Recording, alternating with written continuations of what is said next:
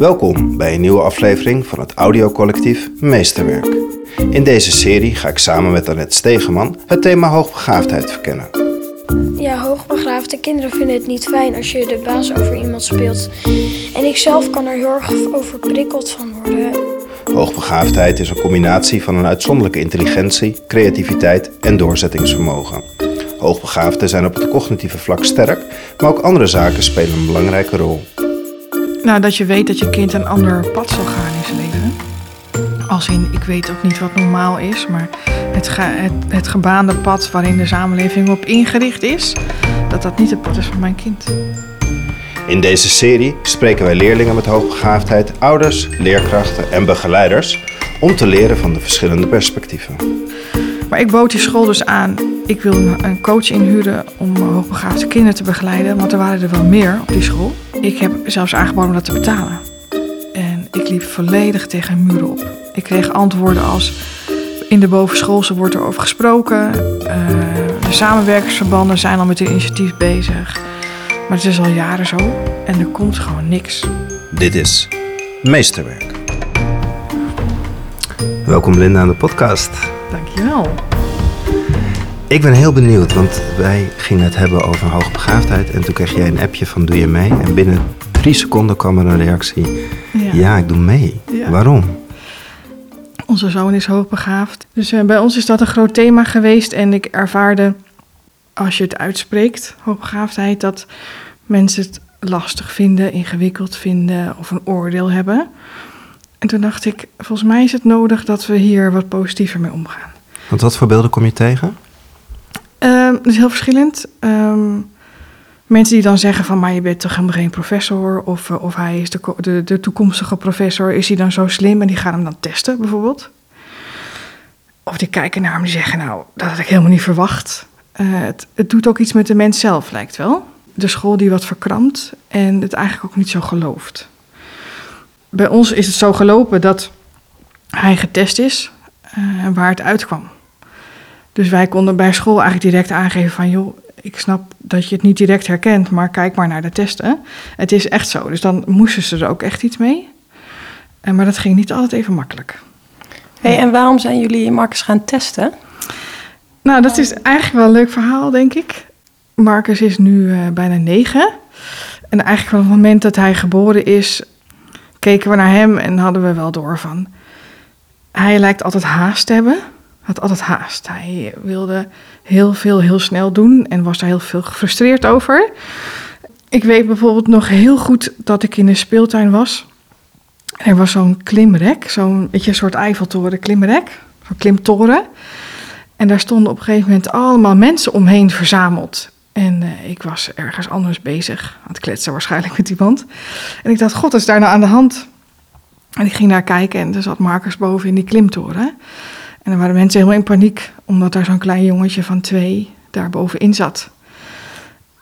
En toen dacht ik, ja, maar hij kan dit. Dit is wat Marcus deed. Hij deed altijd dingen die een stuk verder in zijn leeftijd waren. Maar je hebt pas één kind, dus je denkt, nou, dat klopt. En tegelijkertijd, daar kon je denken, oh, die, wat neemt die ouder een risico? Maar wij zagen aan hem dat hij het kon. Hij kon al motorisch zo ver klimmen. Heel handig. ehm, hij was zindelijk binnen één dag. Hij kon fietsen. Ineens, hij stapte op een fiets, hij fiets weg. En we hadden wel door van hij is snel. Maar dan nog denk je, nou doe maar normaal. Ja, er zal wel gewoon iets zijn waar hij heel handig in is. Dus we hadden altijd wel door, er speelt iets met hem. Hij was ook bijzonder druk. Het hield niet op eigenlijk. Hij wilde altijd heel veel, maar hij kon ook nog niet alles aan. Nou, toen gingen we naar school. In de kleuterklas ging dat eigenlijk nog prima. We kregen wel altijd door van eh, hij heeft moeite met concentratie. Kregen we ook altijd wel terug. En hij is gevoelig. Dus ehm, snel overstuur zijn. En dat had heel erg te maken achteraf. Hè, dit is allemaal achteraf. eh, over als het iets onrechtvaardig was. En eh, onrechtvaardig in de zin dat iets Ja. gebeurde wat niet Ja, in lijn was, of eerlijk ja, was? Ja, dus dat, wat, dat klopte niet in zijn beleving. Wat feitelijk ook, waar hij ook altijd eigenlijk wel gelijk in heeft. Alleen de wereld is natuurlijk iets genuanceerder dan eh, gelijk hebben of gelijk krijgen. En hij had moeite om daar dan mee te dealen, want dat klopte niet. En dat blijft dan in zijn hoofd zitten. En wat gebeurde er dan? Hij heeft dus door dat het niet klopt. Hij was aan het buitenspelen en eh, hij stond bij de glijbaan. En er struikelde iemand over zijn voet. Want die had haast om op die glijbaan te komen. En hij kreeg, daarna kreeg hij een duw omdat dat kind struikelde. En daar raakte hij heel geëmotioneerd van. Want hij zegt dan tegen mijn mama: Ik kon er toch niks aan doen dat dat kind over mijn voet struikelde. En dat kind gaat niet verder dan: Hé, hey, ik struikel door jou. En hij ziet een grotere context. En dat is eigenlijk, kun je dat op alles zeggen, over alles zeggen. Hij snapt dingen, hij snapt verhoudingen tussen mensen. Uh, dus we kwamen zo druppelgewijs steeds meer achter van een hele intense belevingswereld. Nu heb ik dat zelf ook. Dus voor mij was het niet vreemd. Maar goed, het was kleuterklas, toen gingen we verhuizen. En toen kwam hij op een school terecht waar heel veel structuur is omdat wij dachten dat dat klopte. Want we merkten wel dat hij heel veel structuur nodig heeft. Tot op een gegeven moment kwamen we erachter van... hij wil altijd heel veel, maar kan het eigenlijk niet aan. Dus wij gingen, hè, toen hij nog niet kon praten... gingen we heel veel met hem doen, want hij had heel veel energie. En dan hadden we echt drama-nachten. Hij heeft echt heel lang heel slecht geslapen. Omdat hij eigenlijk altijd overprikkeld was. Maar de, eeuwige dilemma is, hij vraagt meer dan dat hij aan kan. En dat is denk ik, totdat hij helemaal volwassen is, zal dat een issue zijn. En dat gegeven moment kregen we dat door. Van we moeten echt structuur inbouwen in zo'n dag. Nou, dan heb je bijvoorbeeld heel veel aan de uh, richtlijnen van bijvoorbeeld Geef me de vijf van voor autistische kinderen. Daar zit heel veel structuur in. Hè? Dus dingen aankondigen, dingen plannen, uh, vakanties, vrijdagen, dat moet je plannen. Want zo'n leeg gapend gat, dat is, wordt, daar word je heel zenuwachtig van. Dus dat gingen we doen. Dus we gingen op zoek naar school met structuur. En toen ging hij naar groep drie. Nou, in groep drie ga je dus leren lezen en schrijven. En toen werd het ingewikkeld. Werd het echt ingewikkeld. En wij wisten wel al, met Marcus is er iets. We weten nog niet wat, maar het is ons kind en we houden oneindig veel van hem. En wij waren heel veel aan het aanpassen en tweaken om hem heen. Dat kunnen wij samen gewoon heel goed kijken naar hoe het met hem gaat, uitproberen, erover praten. Ik merkte wel dat je een beetje in isolement terechtkomt. Want mensen begrijpen het echt niet waar je het over hebt. Hè? Dus wat er met hem speelde. Dan zeiden mensen, ja, hij is gewoon enthousiast. Nee, hij is niet enthousiast. hij is gewoon ontzettend druk. En, maar het voelt ook wel eenzaam, want je, je merkt gewoon, mijn kind is anders. Maar toen ging hij naar groep drie. Toen zei de juf op een gegeven moment tegen ons van... Uh, het lukt niet, het, het, lezen lukt niet, het rekenen lukt niet. Hij kan niet stilzitten. En uh, omdat het dus een school was die eigenlijk heel klassiek is... viel hij buiten de groep. Uh, want het ging opvallen dat hij dingen niet kon. En hij ging huilen. Zijn emoties zijn gewoon hoog, die zitten hoog. Nou, dat wordt niet zo geaccepteerd in een klas. En toen zei die leerkracht op een tegen ons, dat is oktober, dus groep 3 oktober, zei tegen ons een paar dingen. Die zei, hij kan niet stilzitten. Hij heeft veel, heel veel moeite met concentratie. Hij, zijn CITO-scores waren echt schrikbarend laag. Maar ik denk dat hij wel slim is. En dat verwoordde even precies wat ik ook eigenlijk voelde. En ik altijd tegen Valentijn zei van hij is gewoon super slim. Omdat we hem hele slimme dingen zagen doen. Dus op een fiets stappen en wegfietsen. Uh, dat zindelijk zijn, gewoon binnen één dag, dag en nacht. Oh, dit moet ik doen? Oké, ga ik het doen. Dus hij benadert dingen, oh, begrijpend. Dus ik, ik begrijp het en dan doet hij het ook gewoon. Um, maar we zagen ook hoe gefrustreerd hij kon raken. Enorme driftbuien, um, niet te kalmeren, helemaal uit de stekker. Vriendschappen, moeilijk, omdat ze niet altijd deden wat hij wilde. Dus de juf zei, hij is slim. En toen had ik hem al op een wachtlijst staan bij een kindercoach. Want ik dacht, ik voelde het wel aankomen. En ik zag, er zijn wachtlijsten. Ik zet hem gewoon op die lijst. Want dit gaat spelen. Nou, dus die school zei, er klopt iets niet. En ik heb hem meteen uh, die kindercoach gemaild van, nou ja, het signaal is nu ook extern. Uh, er is iets met Marcus. Dus wij gingen op de intake bij de kindercoach. En uh, ik denk, achteraf is de normale route dus dat je via een of ander loket gaat en dat je dan in een, in een carousel terechtkomt van jeugdzorg. Maar ik denk wat ons als ouder wel typeert, dat wij heel erg in ons leven geleerd hebben om alles in eigen hand te houden. Uh, en te gaan kijken wat voelt er goed en welke mensen voelen goed. Want het is wel je kind. Dus ik denk, ik wil het zelf onder uh, invloed hebben zelf. Met welke mensen we gaan werken met hem. En zij voelde heel fijn. We gingen op intake daar. En zij heeft een werkkamer met allemaal speelgoed. Dus we daar binnen. En het eerste wat hij deed was eh, een hele ingewikkeld bouwwerk maken van een of andere garage. En die ging hij dan vijf hoog maken. Dus hij keek daarnaar. En toen gingen we met elkaar praten. En toen moest hij op een stoel zitten. Nou, dat kon hij niet. Hij heeft denk ik 25 houdingen op die stoel gehad. Maar ze praten gewoon door en ze stelden vragen aan hem. En hij gaf antwoorden à la Marcus. Dus wat wij gewend zijn, hè. Toen waren we een half uur verder in die intake. Toen zei ze, nou, ik denk dat we beginnen met een IQ-test. En toen begon het bij ons een beetje te dagen. Want wij zien gewoon een kind wat veel kan en wat motorisch heel handig is. Maar we zagen ook een kind wat sociaal het lastig heeft en nogal gefrustreerd raakte. En heel slecht sliep. En gewoon geen rust vinden. hè. Dus daar waar ouders hun kind achter tv moeten wegtrekken... en kreeg ik hem nooit aan tv kijken, want dan moest hij stilzitten. En ik snakte naar een beetje rust. Maar dat was er niet. Dus ze gingen hem testen en ze gingen hem direct ook op ADHD testen. En toen zijn wij eigenlijk in een wereldje gekomen van hoogbegaafdheid. Wat wij zelf ook niet kenden. Dat begon daar. En wat zei de test? Wat, wat kwam er uit die test? Nou, dat hij hoogbegaafd is. Ja. Een ja, getroubleerd beeld, want hij heeft ADHD. Dus de concentratie is een enorm issue. Die test moest ook in drie momenten eh, afgenomen worden.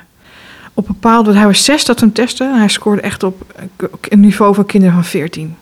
Die sensitiviteit die, eh, die je zegt, die hoor je vaak, toch? De combinatie Ja. met hoogbegaafdheid. Nee, en- dat is, maar het is gewoon één op één. Het is één op één. Het, het sluit elkaar. Mensen denken dat, het, dat je of hoogsensitief bent of hoogbegaafd. Maar het is één op één. Kinderen die hoogbegaafd zijn, zijn hoogsensitief. Alleen over hoogbegaafdheid is nu wetenschappelijk bewijs. En over hoogsensitiviteit niet. Hmm. Maar het is één op één. Die, die intensiteit, zo noem ik het, hoort bij hoogbegaafdheid. Dat je alles intenser beleeft. Dus ook geluiden. Ook een labeltje in je kleren. Ook de gel in je haar. Had op een gegeven moment gel in zijn haar, waardoor je harde stukjes kreeg. Moet ik niet hebben, mam. Eh, wat kinderen zeggen, komt drie keer zo hard bij hem binnen. Het is gewoon een soort ultra-bewustzijn van je omgeving. Die hoogbegaafdheid in combinatie met ADHD geeft gewoon echt wel uitdagingen. En dat zal, ik zal de eerste zijn die het erkent. Ik weiger gewoon alleen om het zo zwaar te benaderen. Was het ook een opluchting om, om te horen van, goh, helpt het ook even in je eigen gevoel van, oké, er is iets anders nodig, Ja, het gaf erkenning. erkenning. Ik kon wel naar hem kijken en dacht, er is iets wat we missen. Ik mis gewoon iets. Ik was onrustig ook ervan. Want ik wilde heel, ja, ik voel me zoals iedere ouder enorm verantwoordelijk voor mijn kind. En ik zag dat hij vastliep. En ik zei, er is iets. Er is iets wat ik niet zie. En dat werd zo erkend eh, door wat eruit kwam eigenlijk met hem. Nou, dat je weet dat je kind een ander pad zal gaan in zijn leven. Als in, ik weet ook niet wat normaal is, maar het, het, het gebaande pad waarin de samenleving op ingericht is, dat dat niet het pad is van mijn kind.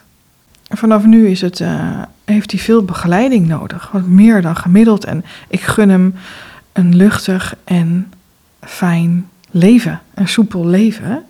En ik, op dat moment ervaarde ik dus van dat gaat het niet worden. Het gaat voor ons altijd een zoektocht zijn van wat werkt er voor hem. En er volgde bijvoorbeeld ook uit dat we dus ontdekten wat er met hem speelde. Zijn we naar school gegaan. Ehm, school zegt we hebben een plusklas. Nou, dat is een uur in de week. Nou, daar kan je helemaal niks mee. En toen ben ik zelf, ehm, heb ik zelf aangeboden aan de school van ik zou heel graag een, eh, een coach willen inhuren voor Marcus die gespecialiseerd is in hoogbegaafdheid. Omdat wij heel graag wilden, wat heel snel kwamen de hoogbegaafde klassen in beeld. Hè? En zodra je een soort IQ-test hebt en je hebt een cijfer, dus oké, dan gaat er een deur open. Nou, dan kom je in het land waar er nergens plek is voor HB-kinderen. En het is buiten je eigen plek waar je woont, vaak.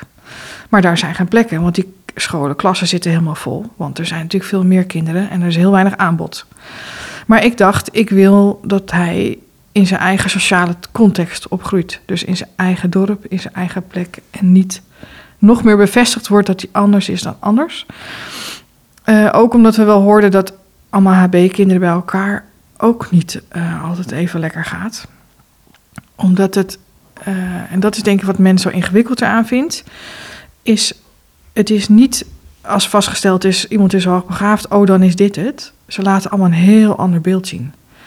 Omdat de gevoeligheid zit gewoon bij ieder op een ander stuk. En er zijn veel kinderen dubbel belast. Dus de een zit in het ADHD-spectrum en de ander in het autistische spectrum. En het overlapt ook nog eens. Dus eh 80% van de HB'ers zijn dubbel belast. Ehm, wat heel lastig vast te stellen is, omdat het allemaal in hetzelfde spectrum zit. Je schakelt ook tussen ADHD, autistisch, oh, dit is de hoogbegaafdheid. Dat is allemaal niet zo te onderscheiden van elkaar. En dat is wat ze denk ik als heel ingewikkeld ervaren. Tegelijkertijd die enorme intensiteit hebben op alles. Maar ik bood die school dus aan, ik wil een- coach inhuren om hoogbegaafde kinderen te begeleiden, want er waren er wel meer op die school. Ik heb zelfs aangeboden om dat te betalen. En ik liep volledig tegen muren op. Ik kreeg antwoorden als: in de bovenschoolse wordt er over gesproken. eh, de samenwerkingsverbanden zijn al met een initiatief bezig.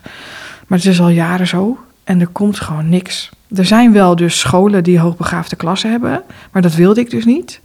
En dan heb je dus eigenlijk niks. Nou, ze hebben een aantal gesprekken met die school gehad. Nou, toen ging hij naar groep 4. En daar had hij een hele jonge docent. Eh, als in, eh, ja, Marcus eh, doet niet mee. Dus ja, hij werd eigenlijk enorm buiten de groep geplaatst. En dan begint het pesten ook. Het pestgedrag. Het, een kind wat zich anders gedraagt dan anderen. Hij werd gewoon best heel eenzaam. Nou, en dan ga je als ouder natuurlijk eh, op handelen. En we gaan kijken en onderzoeken. Tegelijkertijd werd hij behandeld door die kindercoach, werd hij begeleid. En dan hebben we toch besloten om eh, weer over te stappen naar een andere school. Ook al heeft, hebben dat soort eh, veranderingen bij dit soort kinderen nog meer impact, hebben we dat toch gedaan. En nu zit hij op een andere school. Dus hij zit nu in eindgroep 5, dus hij is groep 5 gestart op een andere school. Een vrije netschool. Wat er anders aan is, is dat het een eh, veel kindgerichtere school is. Hey, ik, jullie zijn een heel leuk gesprek aan het voeren, maar er, er ligt hier een briefje voor mij. Een, een jongetje zit er tegenover mij en er staat een briefje met ik wil ook praten. Dus volgens mij is het tijd dat we ook wat vragen gaan stellen aan iemand anders. Ik ben het jongetje waar de mevrouw over, dus mijn moeder over heeft. Hoe is dat voor jou om te horen dat je hoogbegaafd bent? Bijzonder, want ik merk heel erg dat hoogbegaafd best wel zeldzaam is. Voor kinderen die dat hebben. En waar merk je dat dan aan, dat dat zeldzaam is? Nou, ik ken niet heel veel kinderen en mensen om me heen die hetzelfde als mij zijn en ook hoogbegaafd zijn. En ik ben heel, we zijn allemaal heel lang, mijn gezin zijn allemaal heel lang op zoek geweest naar scholen en kinderen die een beetje hetzelfde als mij zijn. En ik heb er twee gevonden en daar ben ik heel erg blij mee. Hey, en- en Marcus, want je, je bent naar school op zoek gegaan, hè? En toen was je vorig jaar volgens mij gewisseld, hè, van de school. Ja, En, en ehm, vertel eens even, want je, je zit nu op een nieuwe school. Hoe is dat? fijn, En heb je een beetje het gevoel dat je kan doen wat je, wat je graag wil? Heel erg. Want ik hoef maar één iets te zeggen. Bijvoorbeeld, ehm, ik zeg tegen mijn juffrouw... Ik, kan ik af en toe wat rust nemen? Kan ik af en toe ergens anders aanschuiven? En kan ik af en toe even alleen zitten in de klas? En ik zeg dat en het wordt geregeld. Ik zit dan aan een tafel en ik kan me omdraaien naar, een ander, naar de muur. En dan zit ik heel even alleen en dan kan ik me beter concentreren. Hey, en jij vertelde dat je zegt net dat er allemaal dingen zijn die, jij, die je graag wil doen en die dan mogen. Wat vind jij leuk om te doen op school? Nou, tekenen, knutselen. Ik heb altijd heel veel leuke ideeën in mijn hoofd. Maar ik moet, er zijn altijd ook dingen die je moet leren. En ik moet altijd leren dat niet al mijn ideeën kunnen lukken. Altijd. Ja, is dat moeilijk? Ja, Ja? af en toe wel, ja. Weet je wat mij zo raar lijkt? Is dat, dat, dat, je, dat je dan iemand zegt dat je hoogbegaafd bent. En dan denk ik van, oh, dan zou je vast alles kunnen en weten. Maar het zal echt niet altijd zo zijn. en het zal ook niet altijd dat lukken. Zou, dat zou ook nooit leuk zijn, want stel je voor, je, hebt, je kunt alles al, je weet alles al te doen. Wat heb je dan te doen? Snap je? Wat kan je dan nog leren? Wat, wat kan je dan in je dagelijks leven doen? Op een gegeven moment zit je dan gewoon thuis op de bank tv en iPad te kijken, maar dat is ook niet altijd leuk. Er zijn altijd nog dingen die je kunt leren. Altijd nog dingen die je nog niet kunt snappen. Klinkt dat je een hele goede juf hebt. Ja? Heel erg, ja. Wat, waarom is ze goed? ze kent me heel goed en ze weet al, altijd alles wat ik in mijn hoofd heb. En ze weet altijd goede manieren om mijn hoofd leeg te kunnen maken. Oh ja, vertel eens. Wat doet ze dan? Nou, ze zegt, Marcus, ga maar heel even alleen zitten of plek gaan zitten waar ik me fijn voel.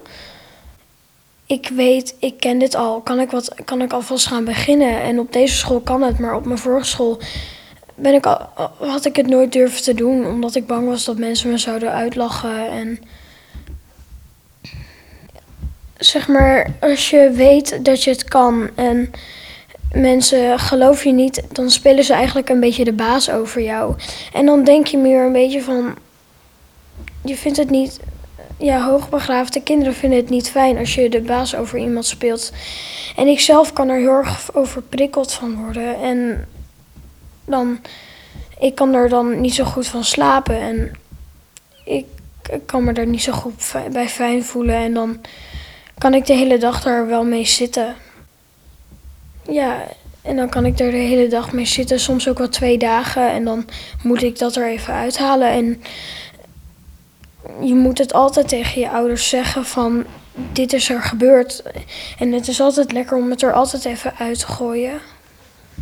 Ik heb ook moeten leren hoe ik dingen, hoe ik de waarheid moet vertellen wat er op school is gebeurd. Nee, maar het is wel leuk, denk ik, om aan te vullen, is dat... eh, hij inspireert me weer helemaal met wat hij allemaal vertelt. Ik, oh ja, dat is ook nog zo. We zitten nu op de microfoon te vechten. ik wil nog iets vertellen over wat jij net zei. Dat vond ik zo knap. Eh, HB-kinderen hebben moeite met machtsverhoudingen. Ja. Dus ehm, eh, in hun wereld zijn er geen grenzen. Eh, in het denken zijn geen grenzen. Dus als je iemand hebt die jou constant begrenst, is dat heel moeilijk. Eh, dus dat is wat hij net bedoelde van eh, hij mag aangeven van dit werkt voor mij niet en dan gaan ze kijken of er iets mogelijk is. En thuis eh, ervaren we dat er wordt constant onderhandeld hier in huis, waar ik af en toe ook helemaal zat van word. Want soms zeg ik nu is het gewoon echt even het antwoord. Je hebt nu genoeg op de iPad gezeten of je gaat nu naar bed. Je hebt nu genoeg, even geen snoep meer, geen ijsje meer. Marcus heeft voor zichzelf eigenlijk geen grenzen. Dus eh, ik ben wel heel, we zijn heel veel aan het begrenzen. En hij onderhandelt over alles. We hebben het veel vaak met elkaar over, maar hij kan dat niet stoppen. Dat, is, dat zit zo in hem gebakken. Ehm, wij hebben daar twee manieren in. Soms zeggen, zeggen we echt een hele duidelijke harde grens. Want ook hij moet met grenzen om leren gaan. Want wij hebben zo geleerd, ook vanuit die kindercoach, dat als we hem geen grenzen geven, dat is voor hem te veel. Dus hij is acht of negen. En als de wereld grensloos is, daar gaat hij, krijgt hij dromen van. ehm, hij kan het niet handelen. Dus eh, onze taak als ouders is grenzen geven. Terwijl hij zelf doet alsof hij dat niet wil, maar hij wil het wel. Ehm, en soms luisteren we, nou meestal luisteren we ook echt wel naar hem, omdat hij er ook over nadenkt waarom iets anders zou kunnen. Dus soms gaan dingen in ons huis ook anders, maar we luisteren wel naar elkaar, maar hij luistert ook naar ons. En dus ik leg, ik denk dat ik bij onze kinderen, dat wij gemiddeld denk veel meer uitleggen waarom iets zo is. Dat heeft hij nodig om zich te kunnen voegen. En als je gewoon iets plat oplegt, dat wordt niet geaccepteerd. Nou, ik ben even benieuwd, want die, die coach die klinkt als een belangrijke schakel in, in, de, in de hele zoektocht en het passende plaatje. Ja. Wat doet zij? Ja, zij heeft een team om zich heen. Ze is zelf dus gespecialiseerd eh, vanuit de GGZ-instellingen, dus jeugdzorg. Ze is voor zichzelf begonnen en heeft een schoolpsycholoog in haar team zitten. En ze heeft ook iemand zitten, nou, het is eigenlijk meer een soort netwerk. En ze heeft ook iemand in haar netwerk zitten die kinderen begeleidt met automatiseringsproblemen. Wat bij hoogbegaafde kinderen speelt, is dat ze heel veel moeite hebben om te automatiseren. Daarom, ze dachten dat Marcus dyslectisch was, maar hij kon gewoon de letters niet automatiseren. Hij kan tafels niet automatiseren. Dus dan moet je nagaan, heb je kind met een IQ van 140, maar hij kan niet de tafels en hij kan niet het alfabet opzeggen. En daar gaan leraren, die snappen daar niks van. Die zeggen dan, je moet thuis extra gaan oefenen. En eh, Die gaan Maar- duwen op de verkeerde knop. die gaan heel erg duwen en heel erg bevestigen dat hij het niet kan. Waardoor zijn zelfvertrouwen eigenlijk heel laag werd. En eh, nou, zij is dan zeg maar de hoofdbegeleider in dit verhaal. En die, kind, die schoolpsycholoog was eh, gecertificeerd om die WISC-testen af te nemen. Dus dat heeft ze bij hem gedaan. Daarna zijn we naar iemand toegegaan die is dyslexie-specialist. Daarbij ook eh, gespecialiseerd in hoogbegaafde kinderen, oftewel prikkelgevoelige kinderen. En daar gingen wij elke maandagmiddag naartoe. om hem te helpen automatiseren. Nou, je moet je voorstellen dat we daar kwamen was eh, groep 4. Toen kon hij niet lezen. Nou, hij moest natuurlijk lezen. Dus ik had zelfs de discussie op school of hij wel over mocht naar groep 4. Dus zei ik, nou, jullie zijn echt niet wijs dat je hierover twijfelt. Maar goed, als je even in hun wereld stapt. Hij kon niet lezen. En hij moest over. En de kinderen moesten wel kunnen lezen. Hij ging natuurlijk wel over. En wij gingen elke maand naar die begeleiding. En een van die eerste dingen die zij deed, dat zal ik nooit vergeten. Zij trekt een of andere la open of kastje open uit zo'n grote kast. En flopt zo'n trampoline uit. Zo'n kleintje, weet je wel. Waar één persoon op kon. Zij zei, ga maar even op die trampoline. En eh ging ze hem allemaal vragen stellen over eh, nou, letters en boeken. En wat hij wel kon lezen en wat hij leuk vond om te lezen. En zij had zo'n totaal andere benadering eh, naar hem toe over het lezen. En binnen een paar weken kon hij lezen. Ze benaderde hem heel positief. Want zij merkte ook dat die eh, kinderen zijn nogal fixed in hun hoofd. Dus wat ze niet kunnen, doen ze niet. En wat ze wel kunnen, doen ze wel. Maar het gaat natuurlijk om het leren leren. En dus het doorzetten. En toen zei ze, nou, ik denk wel dat je het kan. En dan ging ze gewoon andere manieren bedenken. Ze liet hem typen op een laptop. Die hem dan, wat hij intypte, hardop ging zeggen. En dan zei ze, wat hoor je nou wat er niet klopt, bijvoorbeeld. En dan ging hij dat verbeteren. Zij ging hem hele moeilijke teksten geven over hoe je drol van je, van je buik tot eruit komt, zeg maar. Wat er allemaal in je darmen gebeurt. Dus ook heel beeldend, hè. En dat vindt hij het leuk en dan gaat hij het doen. Hij kon lezen en hij leest nu op mijn e-reader eh, de meest moeilijke boeken. eh, leest hij in één stuk uit. Maar even opgerold gaat het over zelfvertrouwen. Deze kinderen voelen prima dat ze anders zijn. Want dat snappen ze juist zo goed. Maar het gaat over zelfvertrouwen en dat ze zichzelf kunnen zijn en dat dat veilig is. Nou, en wat deze school waar hij nu zit gewoon heel goed voor elkaar heeft, is dat hij zichzelf mag zijn en dat dat veilig is. Dus dat je anders bent en dat dat helemaal mag zijn. En dat heb ik zo geleerd met hem. Wij zijn eigenlijk alleen maar bezig met het fundament van hem. Zijn fundament dat hij helemaal goed is zoals hij is. En dat er bij hem dingen anders zijn. Dat klopt. Maar dat omarmen we. En we kijken wat we eraan kunnen doen. En wat zag je bij Marcus gebeuren toen, toen die coach positief ging kijken en met die verandering van de school? Wat gebeurde bij hem? Ja, je, zag gewoon letterlijk een kind wat ging groeien. Eh, dit klinkt heel gek, maar hij ging letterlijk groeien, zeg maar, de lucht in. Hij ging rechtop staan en eh, hij kreeg er weer gewoon plezier in. Hij kreeg weer plezier in school en ehm, hij had inmiddels echt wel wat trauma opgelopen op school, trauma. De, zijn kindercoach is ook EMDR-therapeut en hij heeft een aantal EMDR-sessies gedaan ook om wat schooltrauma te verwerken. En je moet je voorstellen dat bij deze kinderen trauma er sneller is. Ehm, hij heeft op school een ervaring gehad dat hij op het schoolplein stond en er gingen allemaal kinderen om hem heen staan. Ze sloten hem in en gingen vervelende dingen tegen hem zeggen. En dat heeft hij als heel heftig ervaren. En, daar, en waar een ander kind daar waarschijnlijk last van heeft en daar doorheen fietst, is, bij deze kinderen gewoon. Het wordt zo'n zo intense beleving dat veroorzaakt trauma. En dat is dan ook behandeld met hem. En we hebben een keer iets in een drankenwinkel meegemaakt met een vrouw die heel lelijk tegen hem deed. Daar moet je op letten. Je moet opletten dat dingen echt gewoon heel hard binnenkomen en wat dat met zo'n kind doet.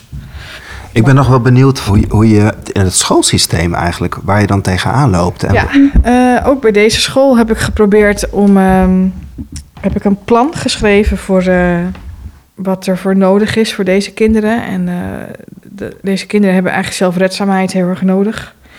Ehm, en hoe je dat kan bereiken door eh, ze inhoudelijk uit, stof te bieden wat voor hen heel leuk is en interessant is en waar ze door geïnspireerd raken.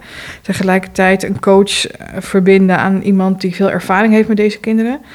eh, om de sociaal-emotionele ontwikkeling in de gaten te houden en ze te helpen in deze maatschappij en ehm, issues te bespreken. Ik denk dat het heel erg helpt dat deze kinderen gewoon goed leren praten. eh, om aan te geven wat, ze, wat in hun wereld omgaat, in hun hoofd.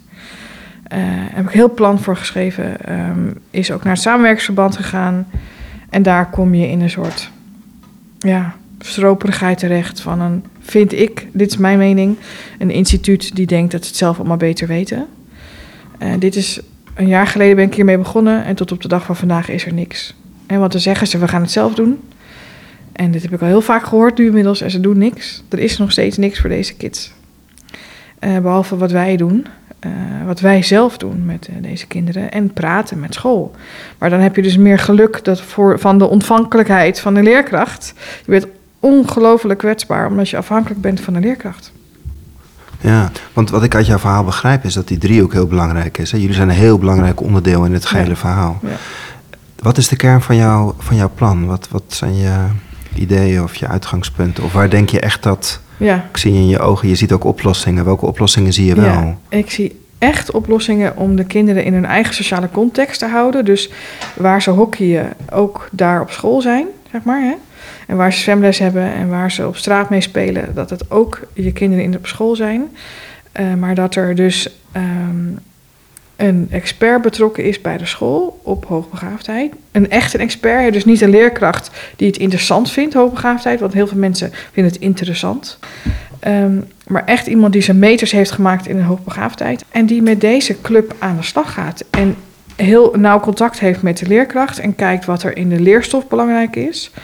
En die gewoon een persoonlijk ontwikkelplan maakt om de ontwikkeling van deze kinderen te volgen. En kunnen bieden wat ze nodig hebben. Want het is zo verschillend per kind. Ze zijn, zet tien hoogbegaafden bij elkaar, zijn allemaal totaal anders en andere aandachtspunten. Dus, dus hoe ontwikkel je die beter? Hoe kun je zo differentiëren voor deze kinderen? Maar daar heb je iemand voor nodig die dat kan. En die zijn er. En dat is mijn verwondering. Ze zijn er. Ze zijn er zat. Eh, en verbind die nou toch aan je school. En ik zeg zelfs dus, ik betaal het wel. En dan nog gebeurt het niet. Ik, van, bui- van de buitenkant vind ik het ontzettend eigenwijs systeem. Eh, en ik, ik gun het gewoon echt kinderen ehm, dat ze hun eigen kracht en talent veel meer ervaren dan het is allemaal zo ingewikkeld. Er is veel meer dan dat. Het is echt ook ingewikkeld hoor, dat is het ook. Maar het helpt zo om te kijken van hoe excelleren deze kinderen. Want het zijn kinderen die kunnen excelleren. Dus benader nou het zo. Eh, hoe gaan we zorgen dat ze in staat zijn om te laten zien wat erin zit. Ik wil even zeggen van... Je hoeft nooit dingen te doen die je zelf niet leuk vindt. En je hoofd vindt dat je dat moet doen. Je moet altijd je dromen volgen. En mijn droom is dus nu uitgekomen. Ik wil een keer op een radio komen. Of... ge- ja. Ja. Nou, dankjewel Marcus. Meer podcastafleveringen van Meesterwerk zijn te beluisteren via Spotify, iTunes, Soundcloud of kijk op janjapubeek.nl. Je kunt deze aflevering een duimpje of een aantal sterretjes meegeven, zodat meer mensen deze podcast makkelijker kunnen vinden. Hoe dan ook, tot de volgende aflevering van Meesterwerk.